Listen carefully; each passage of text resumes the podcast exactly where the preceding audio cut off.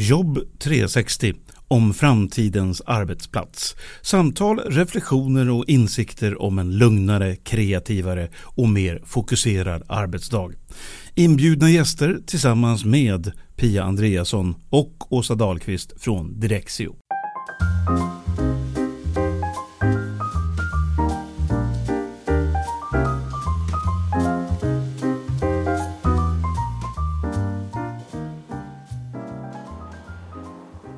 Nu ska vi snart träffa Jennica Lenning. Eh, vad vet du om henne, Åsa? Jag har faktiskt gjort min hemläxa och kan berätta att Jennica har varit förändringsledare i flera riktigt stora projekt. Till exempel Swedbank, ICA, Trygg-Hansa och jag tror senast nu på PA Pension. Ja, och hon har ju sitt företag Mindmo som hon utgår ifrån. Och jag råkar också veta att de här stora projekten eh, har ju alla haft som mål att gå över till ett aktivitetsbaserat arbetssätt. Då tycker jag att vi frågar Jennica om hur processen ser ut i riktigt stora företag. Ja, det gör vi.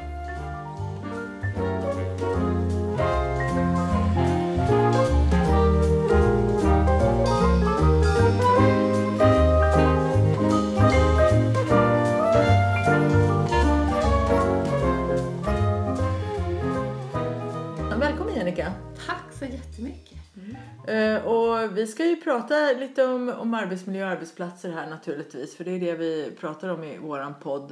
Eh, men vi kan ju berätta att vi sitter här i ett gammalt hus på Västerlånggatan faktiskt, i ett litet rum. Ja men precis, vi är ju faktiskt hemma hos mig och eh, Gamla stan ligger mig väldigt varmt om hjärtat. Jag älskar på det privata planet väldigt gamla hus, antika saker och knarriga golv. Och här i Gamla stan, det är ju inte en vinkel som är rätt.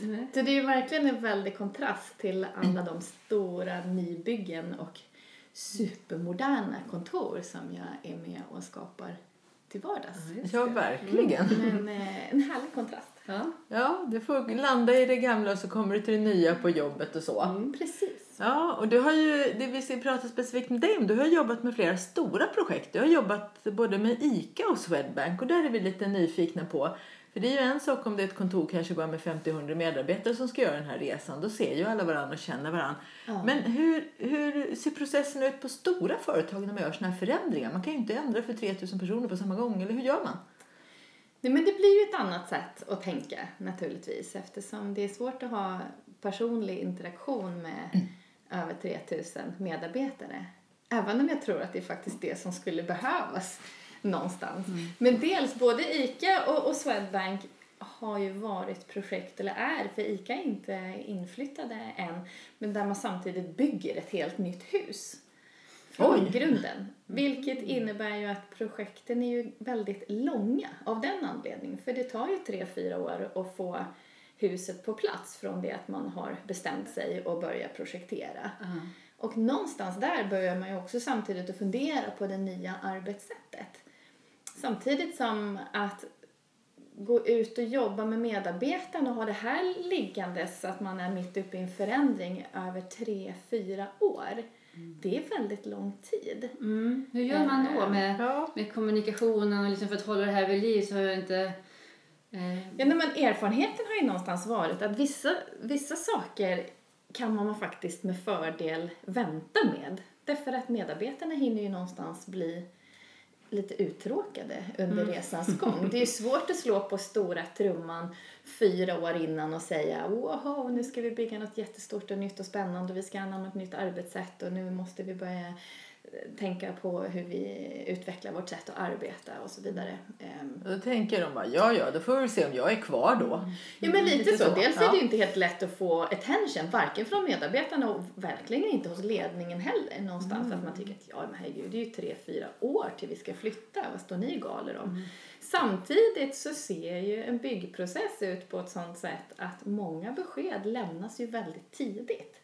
Och där har jag ju haft jättespännande dia- dialoger med många fastighetsbolag och liksom byggföretag att de också behöver lite grann se om sina processer. Därför att många besked som de kräver in från en hyresgäst kanske de kräver in lite väl tidigt. För hyresgästen är inte beredd att svara på de frågorna. Är det onödigt tidigt för att inte heller de som bygger behöver egentligen veta det så tidigt? Vissa eller? saker behöver Mm. de ju Ja. veta, men vissa saker kanske de mer av gammal hävd Mm. Kräver in medan alla liksom. hade tjänat på Mm. att man hade låtit den processen ta lite längre tid. Mm. För det är ju väldigt tidigt i ett projekt man sätter alla väggar. Mm. Och det innebär ju att väldigt, väldigt tidigt måste man veta var alla mötesrum ska vara, Mm. var man vill ha sitt eh, fantastiska coffees till exempel, Mm. eh, alla arbetsrum och ja, Mm. egentligen alla fasta väggar. Och för att överhuvudtaget kunna ha en åsikt om det, då måste du egentligen ha gjort hela aktivitetsanalysen. Du måste ha satt hela aktivitetsmönstret att det är så här vi ska jobba och därför är det den här paletten av olika typer av arbetsplatser vi behöver. Ehm, och då behöver du ju göra ett ganska gediget arbete. Mm. Och som sagt, det är ju utmaningen då att få attention kring den frågan så pass långt innan en flytt. För arbetssättet hinner ju ändra sig av sig självt på fyra år. Även om man inte tar beslut om att ändra ett arbetssätt. Till exempel att börja jobba aktivitetsbaserat. Om fyra år ska vi göra Ja, det. ja. Så även om man inte tar beslutet utan bara vi ska bygga ett nytt kontor. Så från den dagen man bestämmer sig till fyra år framåt så hinner det ju ändra sig Ja. ändå. Vem vet vad, vad nästa generation IT har i bakfickan liksom. Jo men så var det och det här är ett jätteroligt exempel från ICA. När vi började projektera det huset så, så tänkte ju vi i projektgruppen att nu är vi lite wild and crazy. Vi avsätter ett helt våningsplan.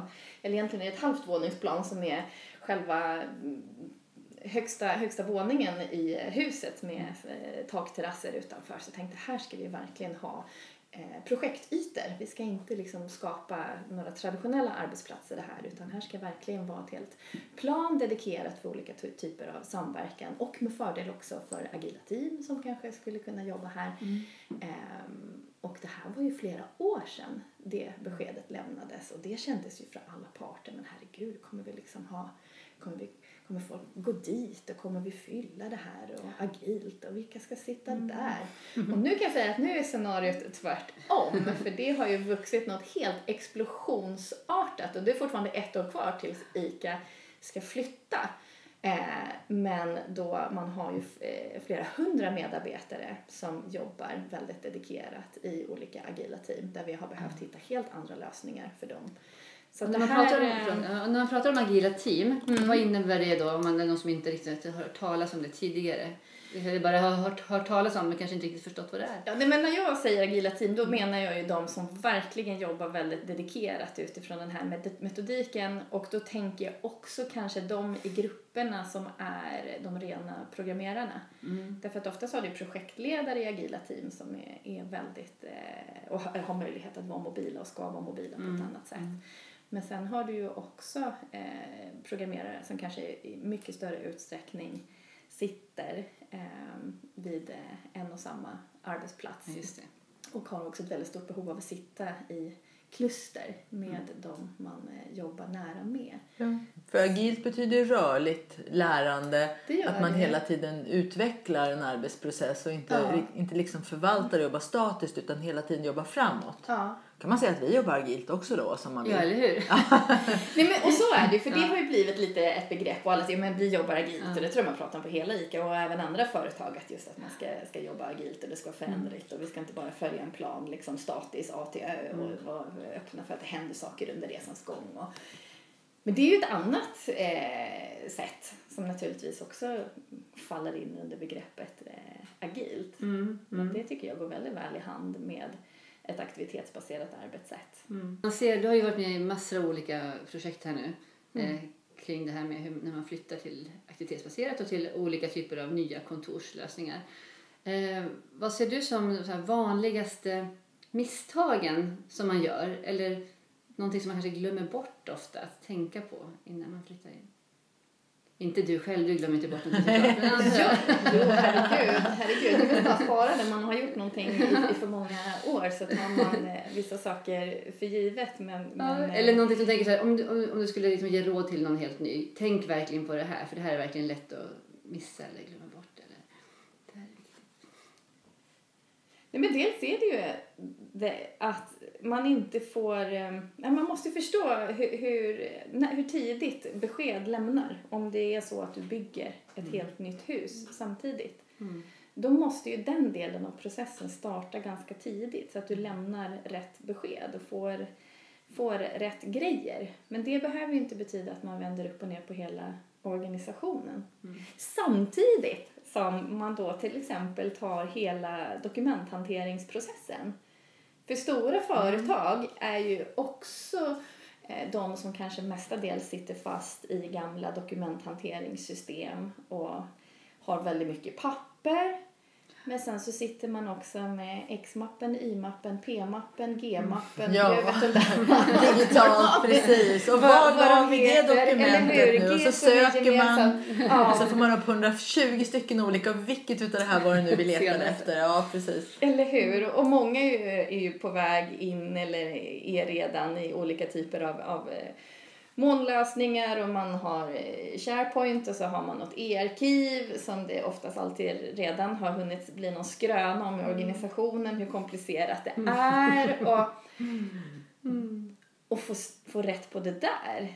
Ja, men då vet jag inte ens om tre, fyra år räcker. Så dokument, dokumenthanteringsprocessen är en bit som måste liksom hänga med i det här. Den kan man ju med fördel starta. Där har man ju nästan en fördel av att man ska bygga ett nytt hus tänker jag. För att om man då redan tidigt säger att det är det här vi ska göra så att nu måste vi samtidigt skapa eh, förutsättningar för att lagra, spara och dela information på ett annat sätt. Så man har såna här rensningsdagar regelbundet i alla dokument man har, både fysiska och digitala, kanske en gång i halvåret så, då skulle det liksom vara en förberedelse till att Absolut, absolut. flytta in i... Och det är ju en del av det. Och som du säger, precis, även ha digitala städdagar. För det är ju ja. klart att man, många har jipp omkring och slänga gammal skit man har i skåpet. Gamla Jag adventsljusstakar jobbade och- faktiskt med ett kontor. De hade i flera år gjort så här att varje år så bytte de arbetsplats med varandra. De var bara ett tjugotal men de lottade ut arbetsplatserna varje år. Då fick man flytta från ett bord till ett annat. Ja. Och i kombination med det då slänga allt gammalt skräp som man hade. Och det var ju fantastiskt att vara där för de hade ju inte mycket på sina skrivbord. Nej. Där behövde man inte prata om hur man rensar papper för det var Ja. Väldigt sparsamt. Ja. Samtidigt hade de då lärt sig att kan jag spara det digitalt så gör jag det. Ja.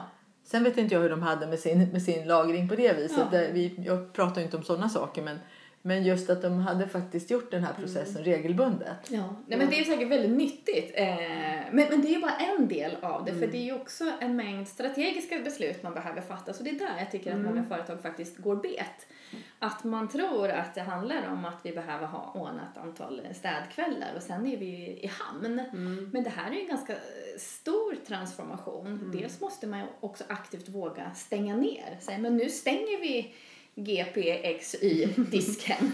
Eh, och det är här. Eh, och frågan är, vad är då det här här? Att man aktivt fattar ett beslut att det är här vi lagrar, sparar och delar dokument. Vi har också en struktur för hur vi taggar olika saker och så här gör vi för att vi ska göra all information tillgänglig och sökbar och säker. Eh, och så att man har någonting att förhålla sig till. Eh, och sen är det ju oftast en jättestor process att föra över eh, allting och säkerställa att man har kvar det man vill Och sen tänker jag alla de sådana här, inter- såna här beslut som fattas då lite grann, inte över hur, man, man, man kan ju såklart, man måste ju jobba med det här för att, Ja. med alla som är eller medarbetarna. Men jag tänker ändå när man väl inför en sån här, en sån här förändring då, att nu ska Mm. alla spara här och vi ska använda de här taggarna så här. Och sen så märker folk, ja men nu finns det ju ingen tagg för vårt projekt. Eller, Mm. det, här, det här funkade ju inte för att eh, det fanns ju ingen mapp för just min grej. Mm. Vad, hur ska man göra för att inte liksom folk ska tappa Att de bromsar sig. du bromsar liksom, tappar, samma sak med intranät, bara nej det funkar inte. Så slutar folk använda det i ett ganska, ganska tidigt skede Mm. och börjar ha sina egna lösningar ändå. Ja. Vad kan man göra där som eh, chef och ledare och förändringsledare kanske då för att kunna motverka sådana tendenser? Ja, men det, cheferna är ju jätteviktiga i den här processen eh, och att de är med på noterna och verkligen ligger på och driver den här förändringen. Eh, och sen kan man ju ta olika förändringsagenter till hjälp också, eh, så, som eh, är ute. Så att det verkligen händer någonting hela tiden och att det är någon som kanske tar på sig, på, på sina axlar, att i alla fall vara lite initiativtagare Mm. och tända de här små eldarna runt omkring eh, och, och ja, elda, elda på och föra saker och ting framåt. Och med förändringsagenter, tänker du, vad tänker Mm. du på då? Vilka är det? Då tänker jag att man utser någon i organisationen, om man sen Mm. kallar dem ambassadörer eller verksamhetsrepresentanter eller, eller vad som. Men som ska aktivt hjälpa till och driva förändringsarbetet inom den egna eh, avdelningen. Mm. Eh, Mm. och så, Och där tänkte jag på en sak då. Hur, hur hanterar man i, i sådana här stora projekt den här delen av personalen som känner sig osäkra och tveksamma och därför ofta verkar negativa? mm. Jag säger ju ofta att, att det här att vara negativ bygger mycket på en osäkerhet, att man söker trygghet hela Mm. tiden. Och det är ju flera som har gjort den observationen. Eh, Men i en sån här stor organisation, då tänker jag mig att de personerna märks eh, mer. Att det kan bli någon slags liten klubb som inte gillar den här förändringen. Mm. Eller sprids de ut så att de märks mindre? Det där får du gärna berätta mer om hur det faktiskt ligger till. Nej, men dels... Om, men om vi ändå börjar i änden av, av cheferna, för det är ju någonstans där jag tycker att dialogen egentligen borde ske. Eh, och vi behöver prata, prata, prata. Så, det är enda sättet att eh, göra den här förflyttningen. Eh, och inom teamet. Och sen gärna också beblanda sig mellan team. Så att man, om man då skulle vara en grupp som tycker att det här är lite extra svårt, att man sitter på sin egen kammare och bara kuckelurar med varandra. Då kan man ju gärna interagera med någon annan grupp som man har kanske sett att ja, men det verkar gå lite lättare för dem. Och ta inspiration därifrån. Men den stora utmaningen i stora organisationer tycker jag är när du då har chefer och ledare som själva tycker det här är väldigt svårt. Mm. Och som då aktivt väljer att inte delta i de aktiviteter som kanske erbjuds för chefer och ledare. Vilket innebär att då når ju informationen aldrig medarbetarna. De kan ju vara hur entusiastiska som helst men de får inte ta del av någonting för att man använder en klassisk vattenfallsprincip Ja, som man mm, oftast uppifrån gör i stora ner. organisationer. Och, ja, men det är våra chefer och det är chefernas ansvar att driva den här förändringen. Ja, visst, det är den bästa av världar. Mm. Ja. Eh, Men där tycker jag, och IKEA har ju dragit den erfarenheten också där man faktiskt har stöpt om hela sin eh, kommunikationsstrategi där man, hellre, där man också hade lite vattenfallsprincipen från Mm. början men nu utgår från att projektet ska förse eh, lite information till många. Mm. Eh, Just det, det här lite drip learning kallas det i lärosammanhang. Att man tar små bitar och så pulsar man ut dem ganska Ja. ofta så att det Ja. blir korta informationer som man kan ta till sig. Men eh, det som är relevant just då. Mm. Att kommunikationsavdelningen verkligen pinpointar det. Precis, och att inte projektet förlitar sig på att cheferna ska göra jobbet. Nej. Därför att naturligtvis de chefer som engagerar sig i det här, som nästan redan är i mål, gör ju oftast ett fantastiskt arbete. Där ser man ju så skolboksexempel på hur man skulle vilja att det fungerar. Du har medarbetare som är väl förberedda när de kommer dit eh, och eh, kan, kan anamma det här på ett väldigt positivt sätt. Eh, men baksidan av det är ju verkligen en, en oerhört tråkig motsats där, där du har medarbetare som har det väldigt svårt och inte förstår någonting av var de har hamnat. Jag tänker cheferna har ju ett jobb att sköta också. Liksom. Så kommer det här dessutom. Jo men så, så, så är det ju. Eh, och sen måste man ju ha all respekt för att eh, che- cheferna, det här är ju någonting som påverkar dem i lika stor utsträckning. Så att eh, om vi då har en, en chef som inte riktigt är redo att axla det förändringsledningsansvaret, ja då kanske man måste stötta upp i det. Och hellre då Och hjälpa lite till. information till många. Mm, mm. Så man kan ta det också i små steg så det känns som en sån här grej att göra, genomföra. Absolut. Mm. Ja, jag tänkte också det här med det som jag har mycket. Det är ju när jag pratar med, med företag som är i tidiga skeden. säger de att ja, vi har utsett en projektgrupp här nu och så är det olika delprojekt. Och det är projektet si och projektet så. Det brukar ju vara lokal och, och IT och människa och så ibland kan det vara något mer som de har. Eh, och, eh, och där har vi ju en varsin person som är ansvarig för det projektet och då får jag lite så här rysningar. Jag tänker oj, oj, oj, vad ska det här sluta? För att det är ungefär allt de har att berätta för mig. Men hur får man de här, eh, de här delprojekten att verkligen samarbeta och tajta, vara tajta? För det är vad jag brukar säga. Då gäller det att se till att de jobbar ihop. Ja, jo, säger de. Men hur gör man då som, som förändringsledare för att få de här prata med varandra och förstå att de har med varandra att göra. Att det inte är separata rör som det var förr i tiden, avdelning, avdelning si. Utan det här är ett, liksom ett gemensamt projekt. Jo men precis, men det, men det är ju en huvudprojektledares största ansvar att koordinera och ge förutsättningar för de här delprojekten. Att både mm. jobba framåt och jobba tillsammans. Mm. Så att eh, i, i sådana här stora projekt så är man ju ett team. Eh, och eh, träffas ju med fördel flera gånger i veckan eh, på olika gemensamma möten. Mm. Och stämmer mm. av. Men jag tänker också att initialt när man gör själva eh, kravspecen, om det nu är så här att man, man bygger nytt, då, då måste man ju också göra det tillsammans. Det går ju inte att de som ansvarar för den fysiska miljön sitter och tänker kring väggar och möbler för sig och sen så har du IT-gänget som då ska sitta och tänka kring avutrustning och arbetsplatsens utrustning för sig och sen så har du några som tänker mm. arbetssätt i ena änden utan det här måste ju ske eh, tillsammans. Så att jag ser ju det är en ganska lång initial eh, period mm. inför alla de här beskedslämningarna som man eh, verkligen jobbar Jag hörde på. Gustav Molnar berättade om det att han tycker ju att den, den digitala arbetsplatsen ska, ska spegla och, och samverka med den fysiska. Ja. Och då tänker jag att då kan ju inte liksom lokalprojektet och IT-projektet drivas väldigt långt ifrån varandra. Utan de måste hela tiden prata så att man känner sig lika hemma när man kliver in i den fysiska arbetsplatsen som när man öppnar sin dator. Mm. Absolut. Absolut. Mm. Nej, men så, så är det ju verkligen. Och jag, och jag funderar också på det här med förändringsledning.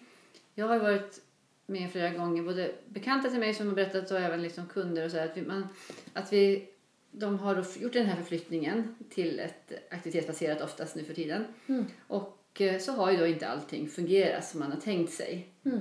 Eh, man tänkte att man skulle ha sladdar som gick upp i taket från de här liksom i de här gemensamma mötesrummen. Men då har IT kommit och sagt att det finns inte, sladden är inte nog långa så de har gjort sin egen lösning och så får man snubbla till, över någonting till ja, exempel. Ja. Eller dockningsstationerna funkar inte för alla. Det är sådana små grejer som mm. nästan oundvikligen händer, tänk, ja, tänker jag mig.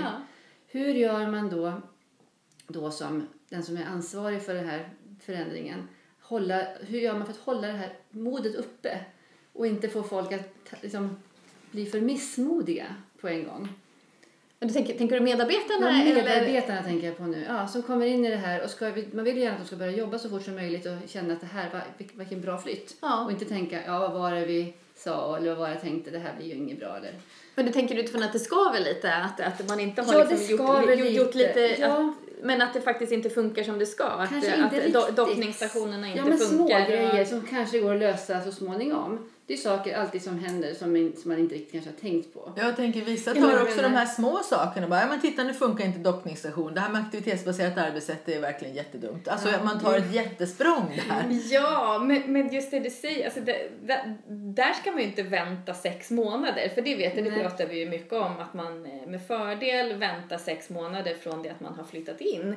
Innan man gör en stor utvärdering och innan man börjar göra några större ommöbleringar och så här. Mm. Men alla sådana här småsaker, mm. det måste ju fixas med en gång. Mm. Alltså det är ju någonstans, det är ju katastrof om det eh, på något vis saboterar möjligheten att få en väldigt positiv utväxling mm. på det nya arbetssättet. För att just eh, ja, men den där videokanonen vi skulle installera den funkar ju fortfarande inte och dockningsstationerna mm. och det... Ah. Eh, mm. Så du vill alltså när man flyttar in direkt ska man inrätta så departementet för, för små katastrofer mm. som löser alla de här som är dedikerade för definitivt, verkligen... Definitivt och i den bästa av världar så, så ska man ju ha så få katastrofer ja. som, som möjligt redan innan. Att man lägger väldigt stor vikt vid att, eh, att man har en, en helhet som man får en väldigt enhetlig upplevelse som medarbetarna mm. där tekniken och miljön flyter ihop på ett, på ett väldigt positivt mm. sätt. Mm.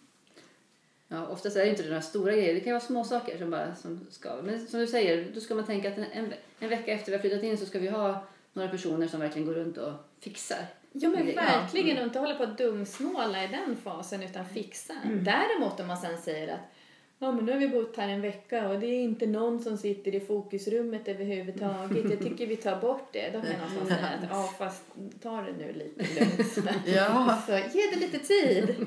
Eh, och kanske också aktivt gå in i det där rummet för det finns där av en anledning. Mm. Ehm, och eh, den transformationen kanske tar lite längre tid. Men sen Så också vara beredda på att i lokalerna kan ju vara saker som man inte har kunnat förutsäga. En kund som jag hade, de hade, de hade en typ av dörrar in i fokusrummet som lät väldigt mycket. Ja, När man öppnade och stängde dem. ja, Och det är ju en fastighetsfråga, det går ju att lösa liksom. Ja. Men det hade inte de tänkt för det var ju bara på ritningen var det ju bara en dörr liksom. Och det tänker ju ingen på att den låter. ja, men så är det ju. Eh, Så det är väl bra att ha en sån liten krisbudget. Ja, så eh, alldeles utanför var kopieringslokalen också. Så Ja. när den där dörren öppnades så hörde man också ljud ifrån det rummet. Ja. Så de kom på att nej, men vi ska skifta här, inte ögonblickligen kanske men så småningom så tänker vi oss nog att vi ändrar lite ytor. Precis Ja. som du säger efter några månader där. Och du brukar jämföra Pia det här med också med att hur är det man flyttar in i ett hus eller en lägenhet också som privatperson. Så jag upptäcker mig efterhand liksom hur man använder Mm. ytorna Ja. och gör ju förändringar helt automatiskt. Jo men lite så är det. Och, och också, eller hur, när, när man eh, bygger en ny busshållplats var, från ett villaområde så upp till Stora vägen och så ska man asfaltera en liten gång där. Eh, Då tycker jag det är så fantastiskt för det var, det var någon eh, på någon kommun som sa det till mig en gång. Ja, men man väntar liksom ett litet tag och så ser man i gräsmattan precis. var alla har gått någonstans. Och sen där de har gått, där lägger vi asfalten sen. Och det här var en snubbe, han hade varit med länge. Och då hamnade liksom gångstigen precis där, där, där alla vill ha den. Och, och det tänker jag lite att man överplanerar ibland för hur man tror folk ska bete sig. Alltså man måste ju ha en väldigt tydlig bild av vilka aktiviteter vi tror att folk gör och en, en jättebra dimensionering utifrån det så att man har en rätt palett. Det här är liksom de olika arbetsplatstyper som vi erbjuder och hur många av varje sort och hur de ska vara placerade i förhållande till varandra och så vidare. Men sen lite grann våga släppa taget och säga att men nu, nu har vi ju tagit reda på hur vi jobbar, vi har dimensionerat utifrån det. Sen får vi låta folk flytta in och se, lite se vad som händer. Observera deras gångstigar Ja, för det blir ju nytt när man Ja, får nya ja. möjligheter så ändrar man sig ju. Då måste man vara Ja. öppen för att men nu trodde Nisse eller Kalle att de jobbar på det här sättet och Ja. så sen angav de det och det stämde då, Ja. förra året. Ja. Men nu kommer de in i en ny miljö och då arbetar de naturligtvis på ett nytt sätt.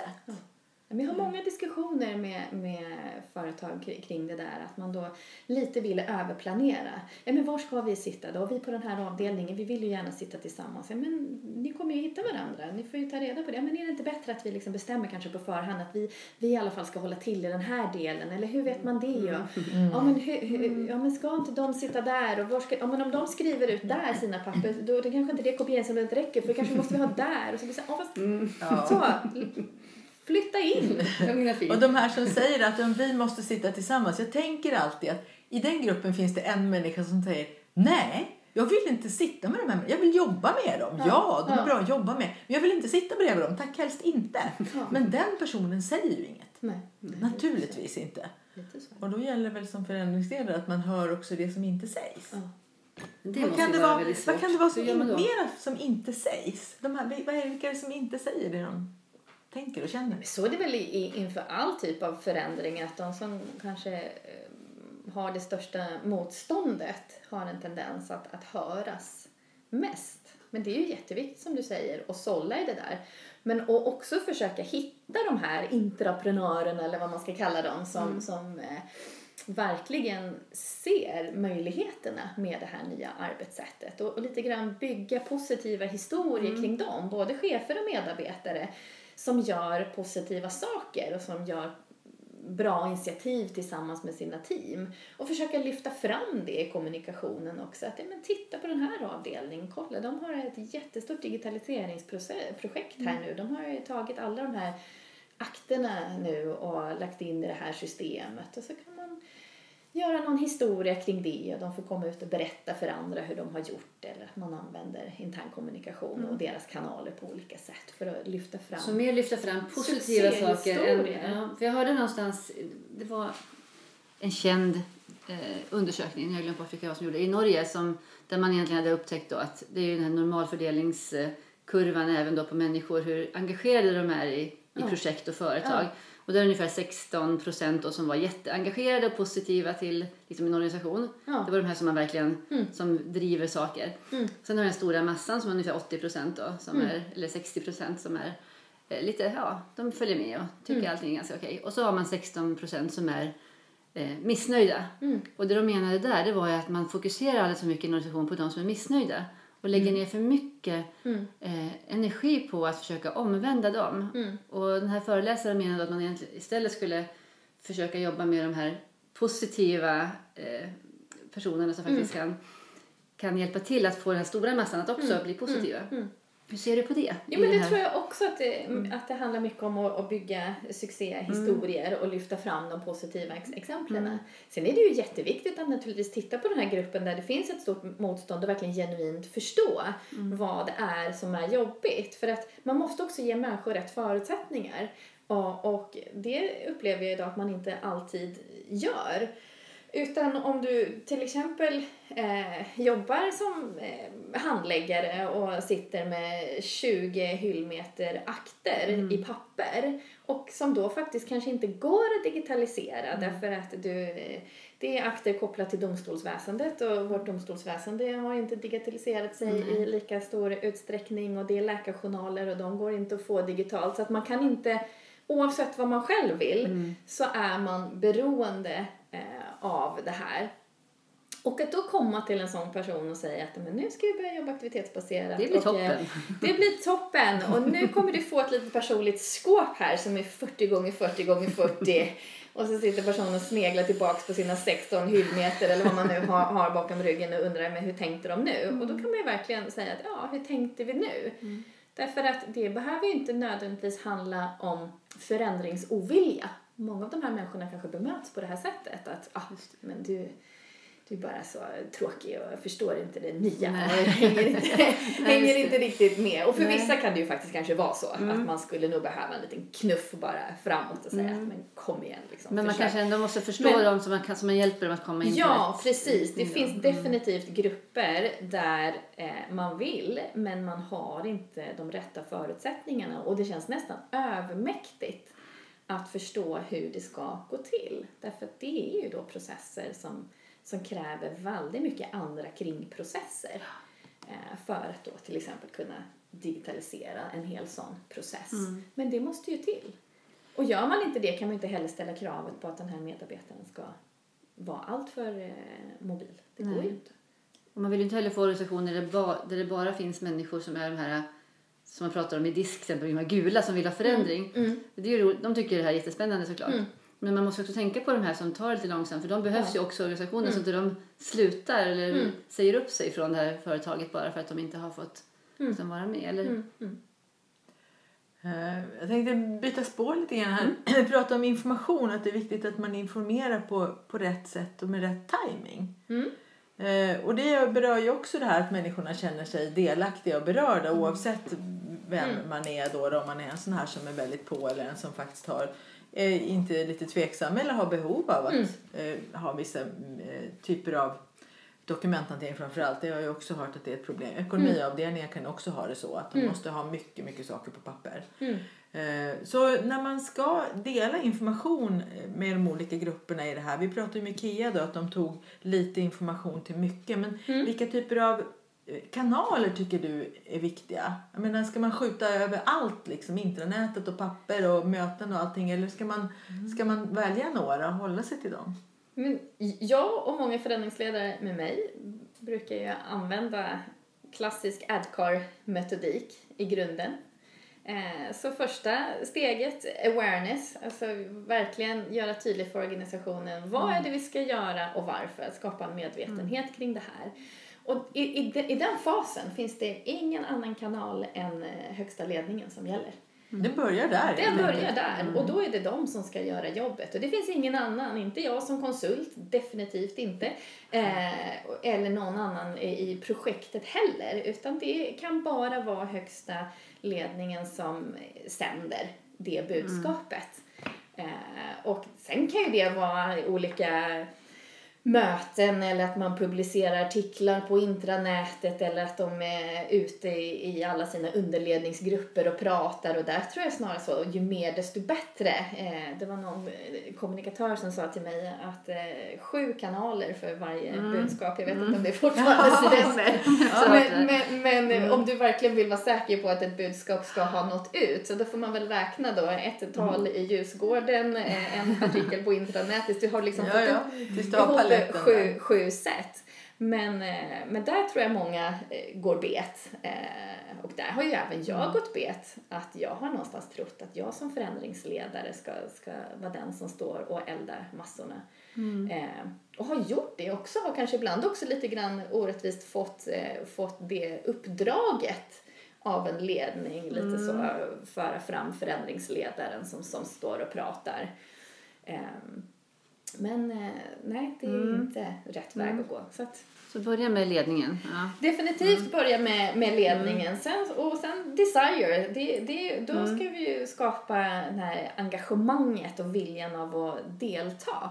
Och då tänker jag, då handlar det om att skapa plattformar för att kunna göra det. Då måste vi ju öppna upp för dialog. Um, och bjuda in. Mm. Och att kunna ja, få svar på alla sina frågor. Ja, men jag förstår inte riktigt varför och vad ska det här vara bra för mm. och så vidare. Eh, och, och då tror jag inte så mycket artiklar på, på intranätet hjälper Nej. utan då är det dialogforum av olika slag som krävs. Och sen kommer vi in i knowledge. Då har vi ju kommit en bit på vägen. Och då mm. är det ju kunskap. Då måste jag ju lära mig saker. Så då, mm kickar ju utbildningsprogrammen igång. Och det kan ju vara allt för att lära mig att eh, bli bättre i personlig effektivitet. Mm, till exempel. Det, eller hur? Ja, det, vi kommer in där. Ja, kommer direkt och håller på med. På kunskap, ja. Mm. Och ehm, ja, men kring liksom hur jag ska lagra och spara information och mm. hur, hur kan jag, hur kan jag liksom ta en aktivitetsbaserad arbetsplats i besittning? Hur ska jag tänka liksom, mm. när jag väljer arbetsplatser? Och hela spektrat och mm. för chefer, hur leder jag i ett aktivitetsbaserat arbetssätt och så vidare. Och sen ability, att liksom träna förmågan men, men oftast så menar jag att den fasen inträffar ju inte förrän man har flyttat in vi kan ju bara luftträna sådär till en, ja, till, till en viss, ja. torrsimma till, mm. till en viss nivå. Mm. Jag vet att många ja, men nu ska vi träna på att städa skrivbordet. Där har jag mitt hemliga mål. Jag skulle vilja jobba med en organisation där alla medarbetare står en månad före flytten och tittar på sitt tomma skrivbord och tänker mm. vad ska jag med de här kvadratmetrarna plywood till? Vad är bara detta lilla? Nej, nej, nej, jag vill redan nu springa till det här nya. Det är min så här dröm verkligen. Så att man har övat mm. innan på att liksom mm. släppa. Och en del kanske gör det tycker det är väldigt spännande men alla gör ju inte det utan man gör det sista stund. Så, mm. Eller, ja. Och börjar träna när man väl är på plats såklart. Mm. Absolut. Det, mm. Absolut. Nej, men så det, och det är ju där någonstans det händer. Allting, och många diskussioner. En av de största farhågorna brukar alltid vara men hur ska vi hålla samman gruppen? Alltså mm. Både känslan av att man tillhör ett team, att man har en teamkänsla, en god samhörighet. Och, men sen också teameffektivitet, den här positiva överhörningen av att man har suttit nära varandra och så. Det är ju oftast en av de absolut största oroerna som jag möter. Mm. Um, och där kan man ju diskutera till en viss nivå uh, vad, vad, vad, man tror sig på förhand kunna göra åt det. Men det är ju en dialog som är jätteviktig att fortsätta sen när man väl är på plats. För hur det, är först funkar då man ser, eller hur? Mm. När, när, när man är där. Uh, så då... Mm. Men, men dialog, dialog, dialog. Det, mm. det är ju nog egentligen den främsta eh, kanalen. Mm. Eh, men vad, och, vad vi ska göra och varför vi ska göra, det kan du ju mata mm. på alla olika sätt.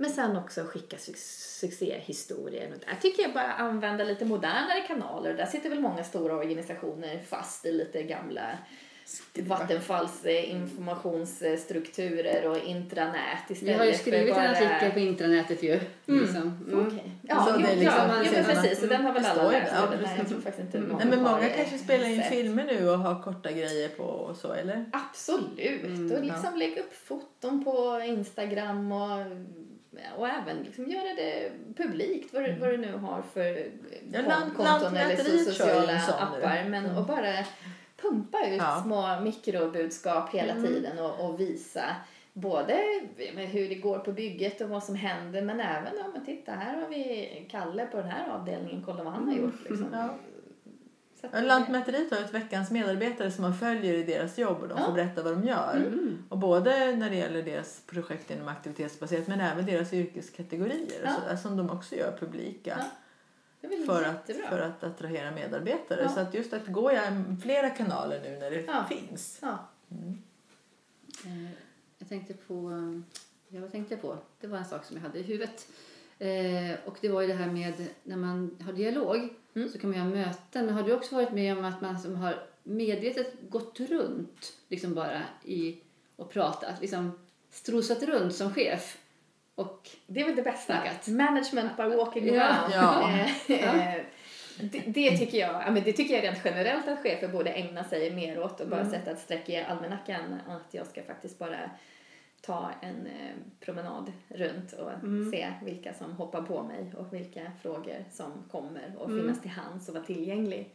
Mm. Verkligen. Ehm, För just på möten, möten kan ju bli lite mer, ändå mer information. Och Mm.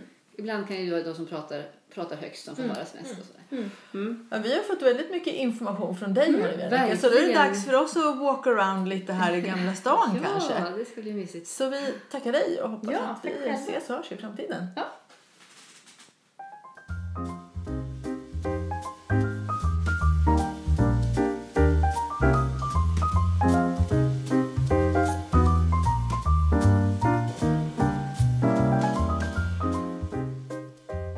Du Pia, det här blev ett extra långt program.